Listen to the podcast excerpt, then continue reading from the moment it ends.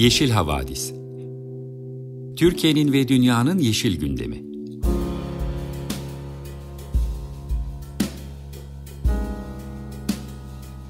Hazırlayan ve sunanlar Demet Yaman Er, Savaş Çömlek, Dilan Altın Makas, Sare Abit ve Tansu Yeşilkır.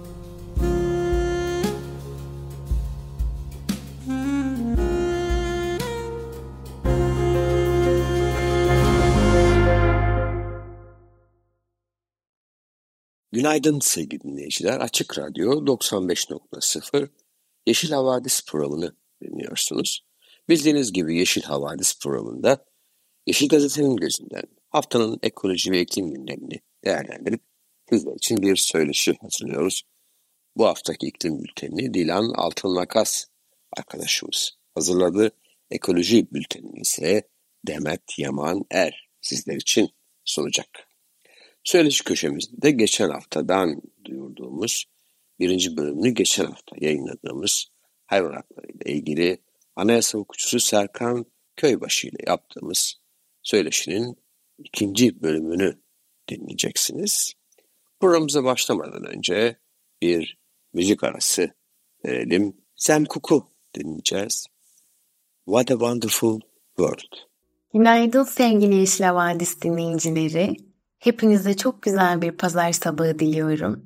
Umarım hepiniz çok iyisinizdir. Ben Dilan Altınmakas. Yeşil Gazete'den derlediğim iklim bülteniyle karşınızdayım bu hafta. İlk haberimiz arılarla ilgili. Haber başlığımız da şu şekilde. İklim krizi, arılar bu yılda uyuyamadı, baharda toplu ölümler görülebilir. Ankara Üniversitesi Veterinerlik Fakültesi Dekanı Profesör Doktor Ender Yarsan, son zamanlarda yaşanan toplu arı ölümlerinin en önemli nedeninin iklim değişikliği olduğunu, ilaçların etkisiz kalması ve tarım zehirlerinin bilinçsizce kullanılmasının da bu durumu kötüleştirdiğini söyledi. Kış mevsiminde sıcaklığın 13-14 dereceye indiğinde arıların kış uykusuna benzer kış salkımı denilen fizyolojik bir mekanizmaya girdiklerini anlatan Yarsan şunları söyledi. Çok az bir besinle kış dönemini geçirirler ama çevre sıcaklığının bu derecelerin üzerine doğru yükselmesi, 15-16 dereceleri yükselmesi ki son zamanlarda özellikle son birkaç yıldır bu şekilde arıların sanki bahar gelmiş gibi kovandan dışarı çıkmasına ve fizyolojik faaliyetlerine başlamasına yol açar. Özellikle bahar döneminde olacak şekilde bir takım problemlerin ya da toplu arı ölümlerinin yaşanması kaçınılmaz bir sonuç olur.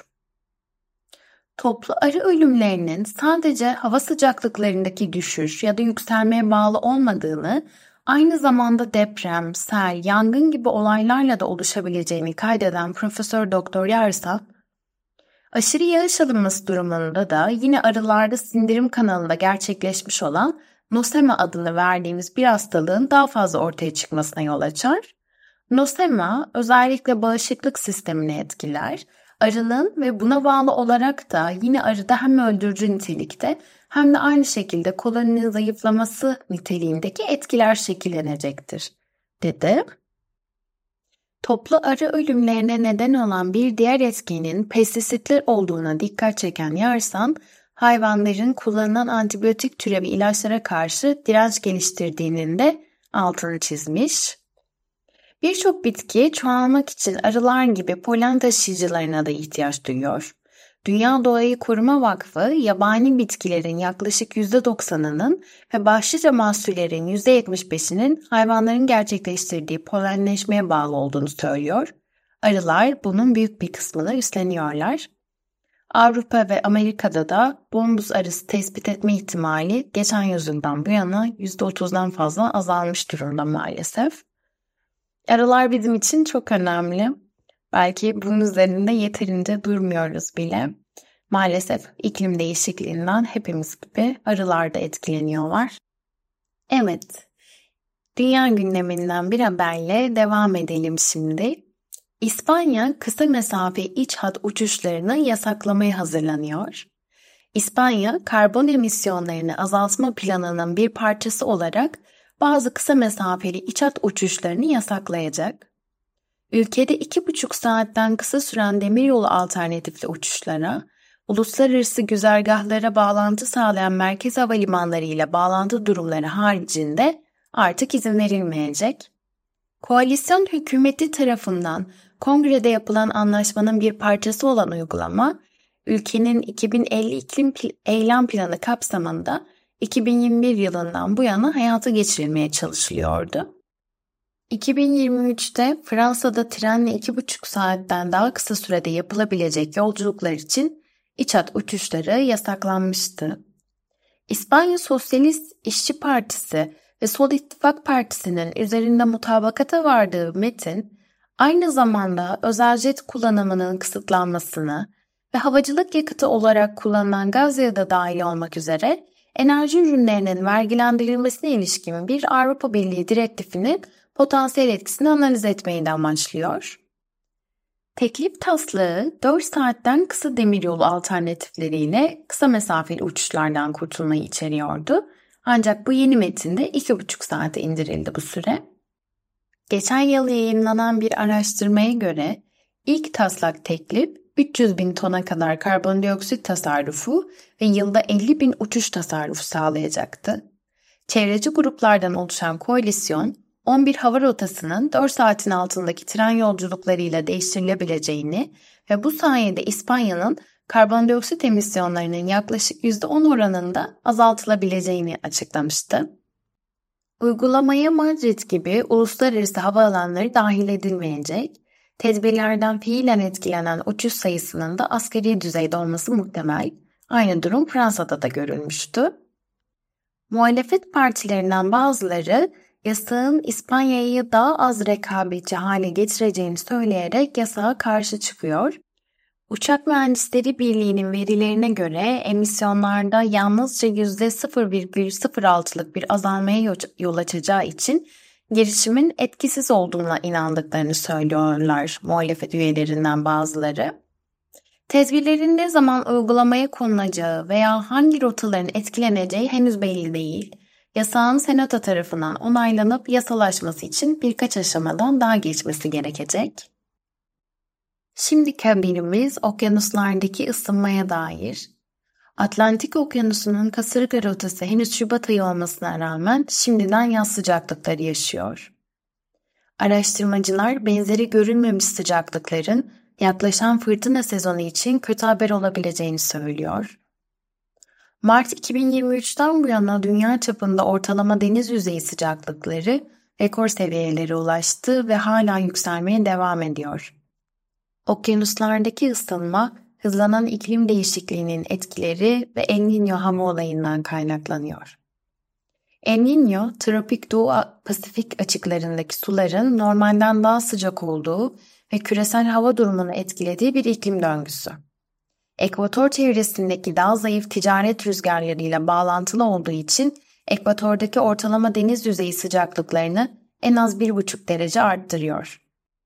Birleşik Krallık Ulusal Oşinografi Merkezi'nde Deniz Sistemleri Modelleme Başkan Yardımcısı Joel Hirschke, 1980'lerden bu yana dünyada artan bir ısınma yaşanıyor. Isınma sadece yıldan yıla artmıyor. Bunun aşamaları da daha hızlı oluyor. 2023'te ve şimdi 2024'te gördüğümüz ısınma seviyesi dikkat çekici dedi. Kasırgalar fırtına bulutlarını oluşturmak üzere yükselmeden önce rüzgarlarla buharlaşan ince bir okyanus suyu tabakasından büyüyor. Daha sıcak sular bu sisteme daha fazla enerji vererek şiddetli fırtınaların büyük bir hızla şekillenmesini sağlıyor. Bilim insanları daha önce iklim değişikliğinin aşırı derecede aktif Atlantik kasırga sezonlarını 1980'lerde olduğundan çok daha muhtemel hale getirdiğini bulmuştu. Bunun nedeni daha sıcak okyanusların kasırgaları daha sık hale getirmese de onları daha güçlü ve daha hızlı büyümesine neden olmasıydı. Geçen son 10 yılda benzeri görülmemiş bir hızda 5 fırtına meydana geldi ve bilim insanlarının bunları tanımlamak için yeni bir kategori 6 gücü önermesine yol açtı. Ancak Hirsky, ılık okyanus sıcaklıklarının tek başına aktif bir sezon için garanti oluşturmadığını söyledi. Ayrıca subtropiklerdeki dikey rüzgar kesmesinin zayıf olması gerekiyor diye de ekledi. Dikey rüzgar kayması yani rüzgar hızının yükseklikle değişmesi çok yoğunsa fırtınalı bulutlar parçalanıyor ve kasırga oluşmuyor. Mevcut El Niño Temmuz 2023'te hızla gelişti ve bu yılın Haziran ayına kadar sürmesi bekleniyor. El Niño sırasında Atlantik'teki okyanuslar genellikle normalden daha güçlü ve daha istikrarlı olup kasırga oluşumunu frenliyor. Ancak iklim döngüsü tahminleri takip edip sona ererse veya yerini La daha soğuk muaddiline bırakırsa alışılmadık derecede fırtınalı bir yaz yaşanabilir. Evet, bu haftalık iklim bültenimizin sonuna geldik. Size veda etmeden önce sizi Mathild'ın Count Your Blessings parçasıyla baş başa bırakıyorum. Kendinize iyi bakın. Hoşçakalın. Herkese merhaba sevgili Yeşil Havadis dinleyicileri. Ben Demet Yaman Er. Bu hafta sizler için Yeşil Havadis'in ekoloji bülteni ben sunuyorum. Bültenimizin ilk haberi Avrupa Birliği'nin çevre suçlarına ilişkin getirdiği yeni bir direktifle ilgili. Avrupa Birliği çevre suçlarına 10 yıl hapis cezası getiriyor. 27 Şubat tarihinde Avrupa Parlamentosu'nda oylanan direktif ile ciddi çevresel zarar vakaları artık suç kapsamında değerlendirilecek. Habitat kaybı ve yasa dışı kesim de dahil olmak üzere ekosistem tahribatı Avrupa Birliği'nin güncellenmiş çevre suçları direktifi uyarınca daha ağır cezalar ve hapis cezalarıyla cezalandırılacak. Avrupa Komisyonu 5 Aralık Çarşamba günü çevre suçlarına karşı en fazla 10 yıl hapis cezası da dahil olmak üzere daha sert cezalar verilmesini ve Avrupa Birliği'nin çevre suçları direktifinin kapsamının yasa dışı kereste ticareti gibi yeni alanları da kapsayacak şekilde genişletilmesini önermişti. Komisyon yine çevre suçunu uyuşturucu kaçakçılığı, insan kaçakçılığı ve sahtecilikten sonra dünyadaki dördüncü en büyük suç faaliyeti olarak değerlendirmişti. Güncellenen direktif, çevre katliamı kelimesine doğrudan yer vermese de giriş kısmında çevre kıyımı ile karşılaştırılabilecek vakalara atıfta bulunuyor. Teklif aynı zamanda doğayı savunarak hayatlarını riske atabilecek çevre aktivistlerine de destek sağlıyor ve Avrupa Birliği ülkelerinin çevre suçlarını bildirenlere yardım etme yükümlülüklerini getiriyor. Üye devletlerin revize edilen direktifi ulusal hukukları da uygulamak için ise 2 yıl olacak. Avrupa Birliği sınırları dışında birlik şirketleri adına işlenen suçların yeni direktif kapsamına girip girmeyeceği ise henüz Avrupa Birliği tarafından üzerinde anlaşmaya varılmadığı için bir ülke devletlerin sorumluluğunda. Evet, bu tür önlemlerin çevreye ilişkin suçların çeşitliliği ve kapsamı düşünüldüğünde ne ölçüde etki yaratacağını zamanla göreceğiz. Ancak bu yolda atılan her bir adımın daha iyi bir geleceğe giden bir yol için oldukça önemli olduğunu da biliyoruz. Nitekim bültenimizin ikinci haberi bize doğanın tahminimizden çok daha büyük ölçüde tahrip olduğunu ve acil önlemlere ihtiyacımız olduğunu gösteriyor. Bilim insanları modern insanın etkileşimde bulunmadığı sedimen katmanlarında dahi mikroplastiklerin izlerine rastladı. Ve bu keşif mikroplastiklerin insan faaliyetlerinin ulaşmadığı çevrelerde bile nasıl bir yayılma kapasitesine sahip olduğunu gösteriyor. Letonya'da bulunan 3 farklı gölde yapılan detaylı araştırmalar, bu göllerin derinliklerindeki sedimen katmanlarında mikroplastik partikülleri ortaya çıkardı. Bu bulgu, Science Advances dergisinde yayınlanan bir çalışmada ayrıntılı bir şekilde ele alındı. Araştırmacılar, dünyanın jeolojik tarihinde insan etkinliklerinin çevre üzerinde belirgin bir etki yaratmaya başladığı ve bu nedenle antroposen çağı olarak adlandırılan 1950 yılından bu yana oluşan katmanlarda mikroplastiklerin bulunup bulunmadığını incelediler. Bu inceleme mikroplastiklerin insan faaliyetlerinin gezegenimiz üzerindeki derin etkilerini belgeleyebilecek güvenilir bir gösterge olup olmadığını anlamaya yönelikti. Geçmişte bilim insanları dünyanın geçmişine ışık tutmak için genellikle volkanik kül veya buzul katmanları gibi doğal arşivleri kullandılar. Ve bu materyaller gezegenimizin geçmişinde meydana gelen önemli olayları ve değişiklikleri kronolojik olarak sıralamada kilit bir rol oynadı. Ancak mikroplastiklerin insan etkisinin belirginleştiği antroposen çağını tanımlamak için kullanılabilecek yeni bir kronolojik işaretçi olup olmadığı konusunda yapılan son araştırma, incelenen tüm sedimen katmanlarında hatta 18. yüzyıla tarihlenen 1733 yılına ait bir örnekte bile mikroplastiklerin var olduğunu belirleyerek mikroplastiklerin bu amaçla kullanılmasının beklenen netliği sağlamadığını gösterdi. Bu arada sedimen katmanı ne olduğunu ifade etmek gerekirse, sedimen katmanları yeryüzünde uzun yıllar boyunca biriken ve zamanla katılaşarak kayaçları oluşturan kum, kil, organik madde ve mineraller gibi çeşitli malzemelerin oluşturduğu tabakalar olarak tanımlanıyor. Bu katmanlar dünyanın jeolojik tarihini, geçmiş iklim değişikliklerini ve ekosistemlerin evrimini anlamamızda kritik bir öneme sahip. Yapılan bu araştırma ise mikroplastik kirliliğinin ne kadar yaygın ve uzun süreli olduğunu gözler önüne sererken, aynı zamanda bu küçük partiküllerin gezegenimiz üzerindeki etkilerini tam olarak anlamamızın ne kadar güç olduğunu da ortaya koyuyor. Ve ne yazık ki sorunumuz elbette ki sadece mikroplastikler değil. Bültenimizin üçüncü haberi deniz ve okyanuslarda kritik düzeye varan civa seviyesiyle ilgili. Son 50 yılda hava, su ve topraklı civa kirliliğini azaltma yönünde uluslararası çabalar artarken, Environmental Science and Technology Letters dergisinde yayınlanan yeni bir araştırma, bu girişimlerin ton balıklarındaki civa seviyeleri üzerinde beklenen olumlu etkisini sorgulamamızı sağlıyor. Bilim insanları, ton balıklarındaki civa seviyelerinde balıkların büyüme ve yaşlanması gibi doğal birikim süreçlerinin etkilerinin arındırdıktan sonra bile yıldan yıla ciddi farklılıklar olduğunu gözlemlediler. Çalışmaya göre bu değişkenliklerin en dikkat çekici örneklerinden biri 1990'ların sonlarında Kuzeybatı Pasifik bölgesinde yaşayan Orkinos cinsi ton balıklarında yaşandı. Bu dönemde balıklardaki civa miktarında belirgin bir artış kaydedilmişti. Araştırmacılar bu artışın aynı dönemde Asya'da civa salınımının artmasıyla doğrudan bağlantılı olduğunu belirtiyor. Yani bölgedeki endüstriyel faaliyetlerden kaynaklanan civa emisyonlarındaki artış, deniz yaşamında da civa konsantrasyonlarının yükselmesine neden olmuş. Bulunan sonuçlar, 1970'lerden bu yana dünya genelinde civa emisyonları ve çekiliminde gözlenen genel düşüşe rağmen ton balıklarındaki civa konsantrasyonlarının stabil kaldığını gösteriyor. Araştırmacılar ise bu sınırlı yanıtın yüzeyaltı okyanuslarda yüzyıllar boyunca biriken ve yüzey okyanus civasına sürekli bir kaynak sağlayan miras civanın etkisi olduğunu belirtiyor. Civanın deniz balıklarını yiyen insanlara da geçen toksik bir metal olarak metil civa formunda nörolojik ve gelişimsel zararlara neden olabileceği ifade edilirken, çalışma Minamata Sözleşmesi kapsamında daha agresif bir civa emisyon azaltım çabalarının gerekliliğini işaret ediyor.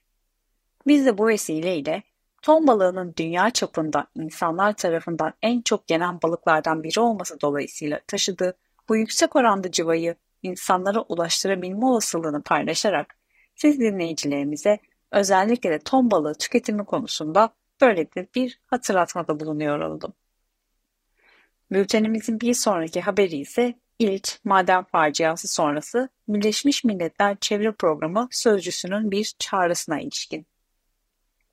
Birleşmiş Milletler Çevre Programı UNEP sözcüsü Alejandro Laguna, İliç'teki maden faciası ile ilgili maden çıkarma sürecinin çevresel felaketlere yol açabileceğini ifade ederek, Türkiye'nin çevresel etki değerlendirmesi, ÇED mevzuatına uygun hareket etmesi gerektiğini belirtiyor. Bu esnada Erzincan'ın İliç ilçesindeki Çöpler Altan Madeni'nde 13 Şubat'ta meydana gelen ve 9 kişinin yığın içi altında kaldığı olayın ardından başlatılan arama çalışmaları ise yeni kaymalar olabileceği gerekçesiyle durduruldu. Aktif fay hattı üzerinde bulunan ve Fırat Nehri'nde kuş uçuşu 300 metre mesafedeki altın madeni için hazırlanan bilirkişi raporunda ise denetim yapılmadığı, çatlaklar oluştuğu ve uyarıların dikkate alınmadığı belirtildi. Madenin %80'ine sahip olan SSR Madenciliğin Türk yöneticisi gözaltına alındıktan sonra serbest bırakılırken Çevre Şehircilik ve İklim Değişikliği Bakanlığı heyelanın meydana geldiği Erzincan'daki madenin çevre izin ve lisansını iptal ettiğini açıklamıştı. Fakat SSR Madencilik sitesinde maden ocağının sahip olduğu 6 işletme ruhsatı belgesinin iptal edilmediği görülüyor. Yine maden kazası sonrasında Türkiye'deki çevre izni iptalleri ve çet süreçleriyle ilgili eleştiriler de gündeme gelirken, SSR Madenciliğin Çevre, Şehircilik ve İklim Değişikliği Bakanı Murat Kurum döneminde ÇED raporuna gerek yok kararı alarak kapasite artırımına gittiği ortaya çıktı. Türkiye'nin çevresel etki değerlendirmesi ÇED ile ilgili mevzuat konusunda uzun bir geçmişe sahip olduğunu belirten UNEP sözcüsü Laguna, İliç'te gerçekleşen felakete yönelik adaletin sağlanmasının önemini altını çizerek, bu durum 1983 Çevre Kanunu'nda ve 1993 ÇED yönetmeliğinde belirtilmiştir. Türkiye Anayasası'nda da sağlıklı ve dengeli bir çevre hakkının güvence altına alan hükümler yer almaktadır. Çevreyle ilgili yasal otoritelerin, endüstrinin ve paydaşların sağlam bir çevresel değerlendirme yapmak için bir araya gelmesi ve adaletin sağlanması önemlidir ifadelerini kullanıyor. Bültenimizin son haberi ise 23 Şubat'ta gaz patlaması yaşanan Silvan'a ilişkin. Ekoloji Birliği Diyarbakır'ın Silvan ilçesinde 23 Şubat'ta Duru bir kuyusunda gaz sıkışması sonrası yaşanan patlamaya ilişkin karanlıkta kalan kimi sorunların aydınlatılmasını talep ediyor. Bir işçinin yaşamını yitirdiği, bir işçinin de yaralandığı olayın ardından Türkiye Petrolleri Anonim Ortaklığı tarafından yapılan açıklamada daha önce kazılmış, günümüzde ise atık su kuyusu yapılmak üzere operasyon başlatılan Duru bir kuyusu da denilmişti. Söz konusu ifadede yer alan atık su konusunun ise açıklığa kavuşturulmasını talep eden Ekoloji Birliği muhataplarına şu soruları iletiyor. Açıklamada yer alan atıklar hangi faaliyet sonucu oluşmuştur? Nereden getirilmektedir? Türkiye son dönemde yurt dışından atık alımında dünya birincisi olan bir ülkedir. Depolanacak atıklar bertarafı imkansız olan bu atıkları da içermekte midir? Yer altına depolanan atıkların yer altında su akiferlerine ulaşma riskine karşı hangi önlemler alınmıştır? Atıkların yeraltı sularına karışma ihtimalinin yüksekliğine karşın bu denli vahşice yapılması nasıl açıklanıyor? Atık su ya da solüsyonlarda kaç çeşit kimyasal kullanılmaktadır? Doğa, halk, çevre sağlığı için yaratacağı tehlikeler ve içerikleri nelerdir? Daha önce benzer amaçlı atık depolama amacıyla kullanılan kuyu veya kuyular var mıdır? Patlama meydana gelen deşarj noktası gibi kaç kuyuda bu çalışmalar yapılmış ve yapılmaktadır? Atıl sontaj kuyularında depolanması planlanan atık miktarı nedir? Bu miktarın yaratacağı tehlikenin boyutları nelerdir? Konunun muhatabı kurumların kamuoyunu tüm detaylarıyla aydınlatmak zorunda olduğu belirtilen açıklamada, iktidar destekli sermayenin madencilik adı altında yaptığı kırım, talan ve tahribatlar bir an önce durdurulmalı denirken, bizler de bu soruları gündemimize taşıyarak soruların yanıtını siz dinleyicilerimizle birlikte hep beraber aramaya davet ediyoruz. Ve biliyoruz ki bizler sordukça, takip ettikçe, sahip çıktıkça bir şeyler değişecek. Bu vesileyle Sam Cooke'dan A Change is Gonna Come şarkısıyla Ekoloji Bülteni'nin sonuna gelirken herkese iyi pazarlar diliyorum. Sevgili Serkan, modernizmin yarattığı hayvan hakları ile ilgili özellikle Batı'nın geri kalmışlığından anlayış olarak, hukuk olarak geri kalmışlığından bahsettim. En önemli sorulardan bir tanesini yanıt verdin aslında.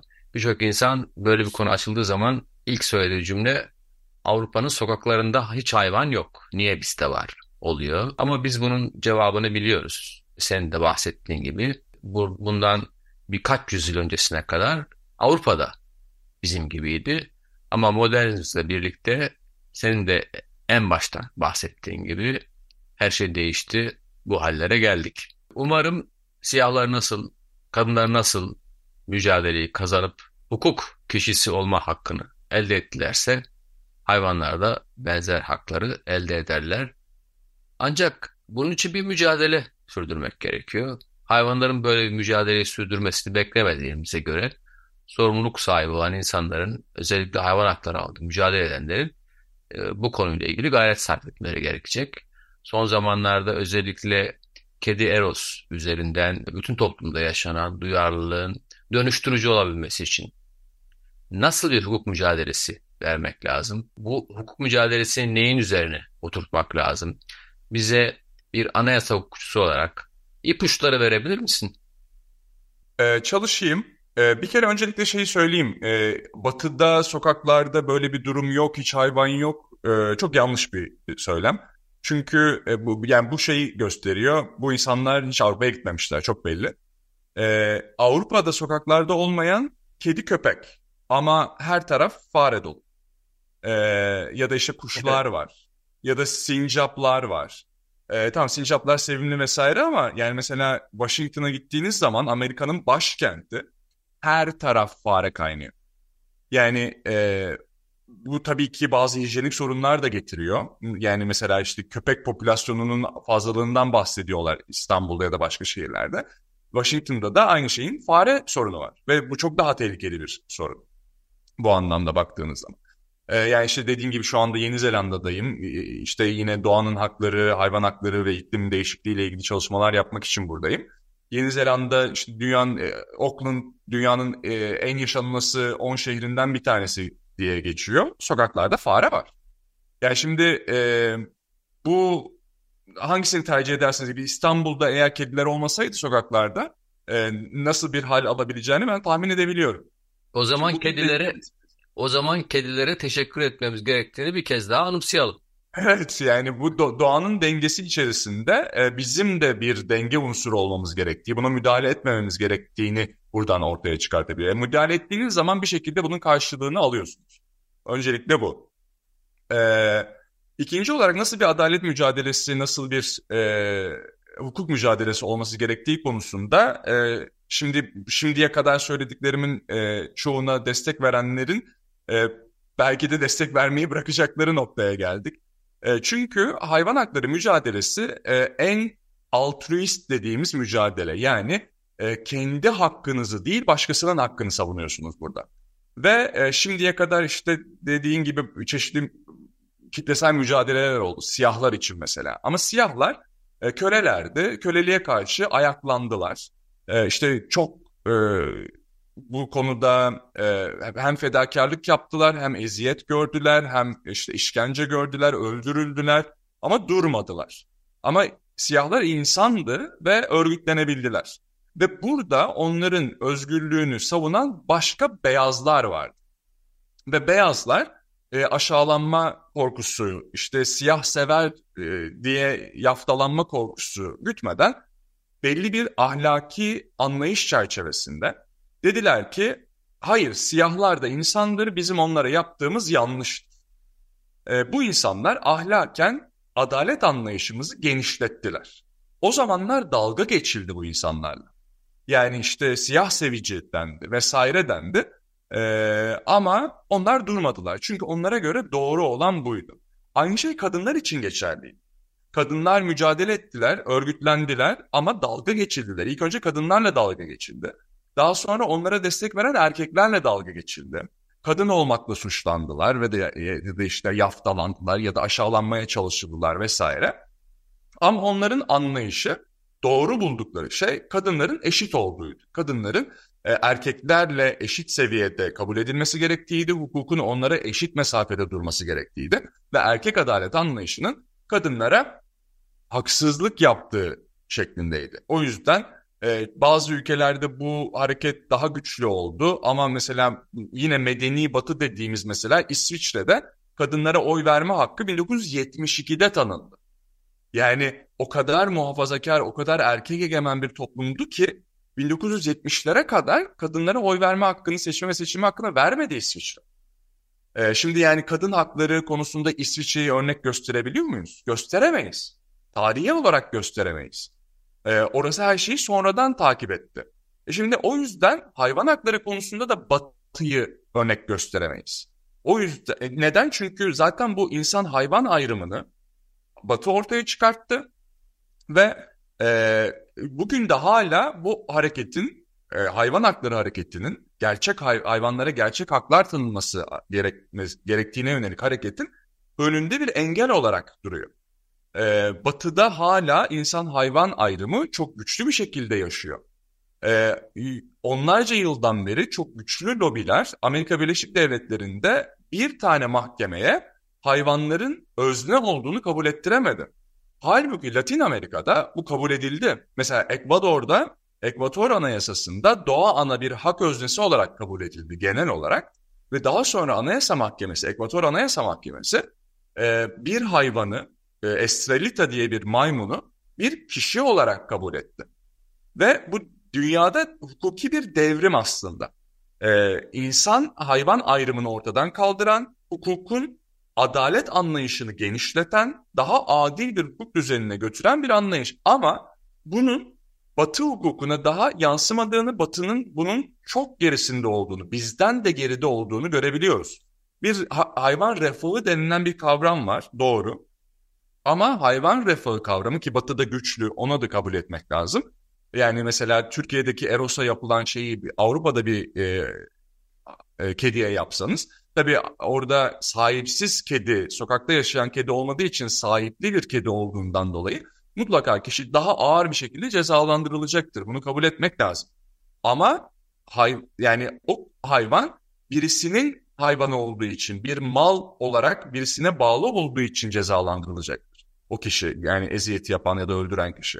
Halbuki hayvana doğrudan sorumluluklarımızın olduğu, o, sırf o hayvan o hayvan olduğu için ona karşı hukuki sorumluluklarımızın olduğu anlayışı batıya hala çok uzak.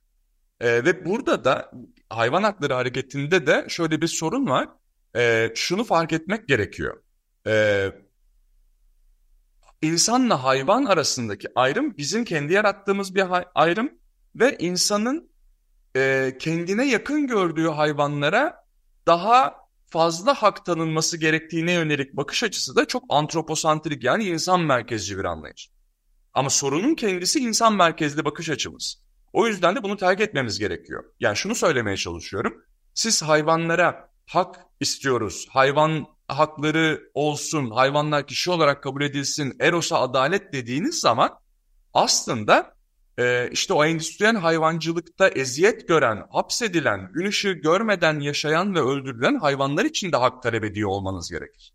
Yani Eros için o sitede e, mücadele edenler ki çok takdir ediyorum, çok teşekkür ediyorum hepsine. E, işte Eros'a adalet talep eden o insanlar akşam eve gittiklerinde et yedikleri zaman bir çelişkiye düşüyorlar. Çünkü e, Eros bir hayvandı ama o yemeklerinde yedikleri et de bir zamanlar bir inekti, bir koyundu, bir kuzuydu. Ve aynı Eros gibi yaşamak istiyordu. Ama aynı şekilde Eros gibi eziyet gördü hayatı boyunca ve acı içerisinde öldü. Yani e, burada bir bütüncül, holistik bakış açısına sahip olmamız gerekiyor. Hayvan haklarını savunmak çok zor bu anlamda. Çünkü hayvanlar üzerinden biz inanılmaz bir çıkar elde ediyoruz. Hayvanları her şeyde kullanıyoruz kıyafetlerde kullanıyoruz, yemek olarak kullanıyoruz, protein olarak kullanıyoruz. Kendi çıkarımız için hayvanları ya baktığınız zaman biraz daha dikkatli baktığınız zaman çevrenize her yerde sömürdüğümüzü görebiliyoruz. E, tabii şunu belirtmek lazım. Yani mesela kölelik de ekonomik anlamda çok yararlı bir şeydi. Siyahların e, para verilmeden köle olarak kullanılması beyazlara inanılmaz bir çıkar getiriyordu.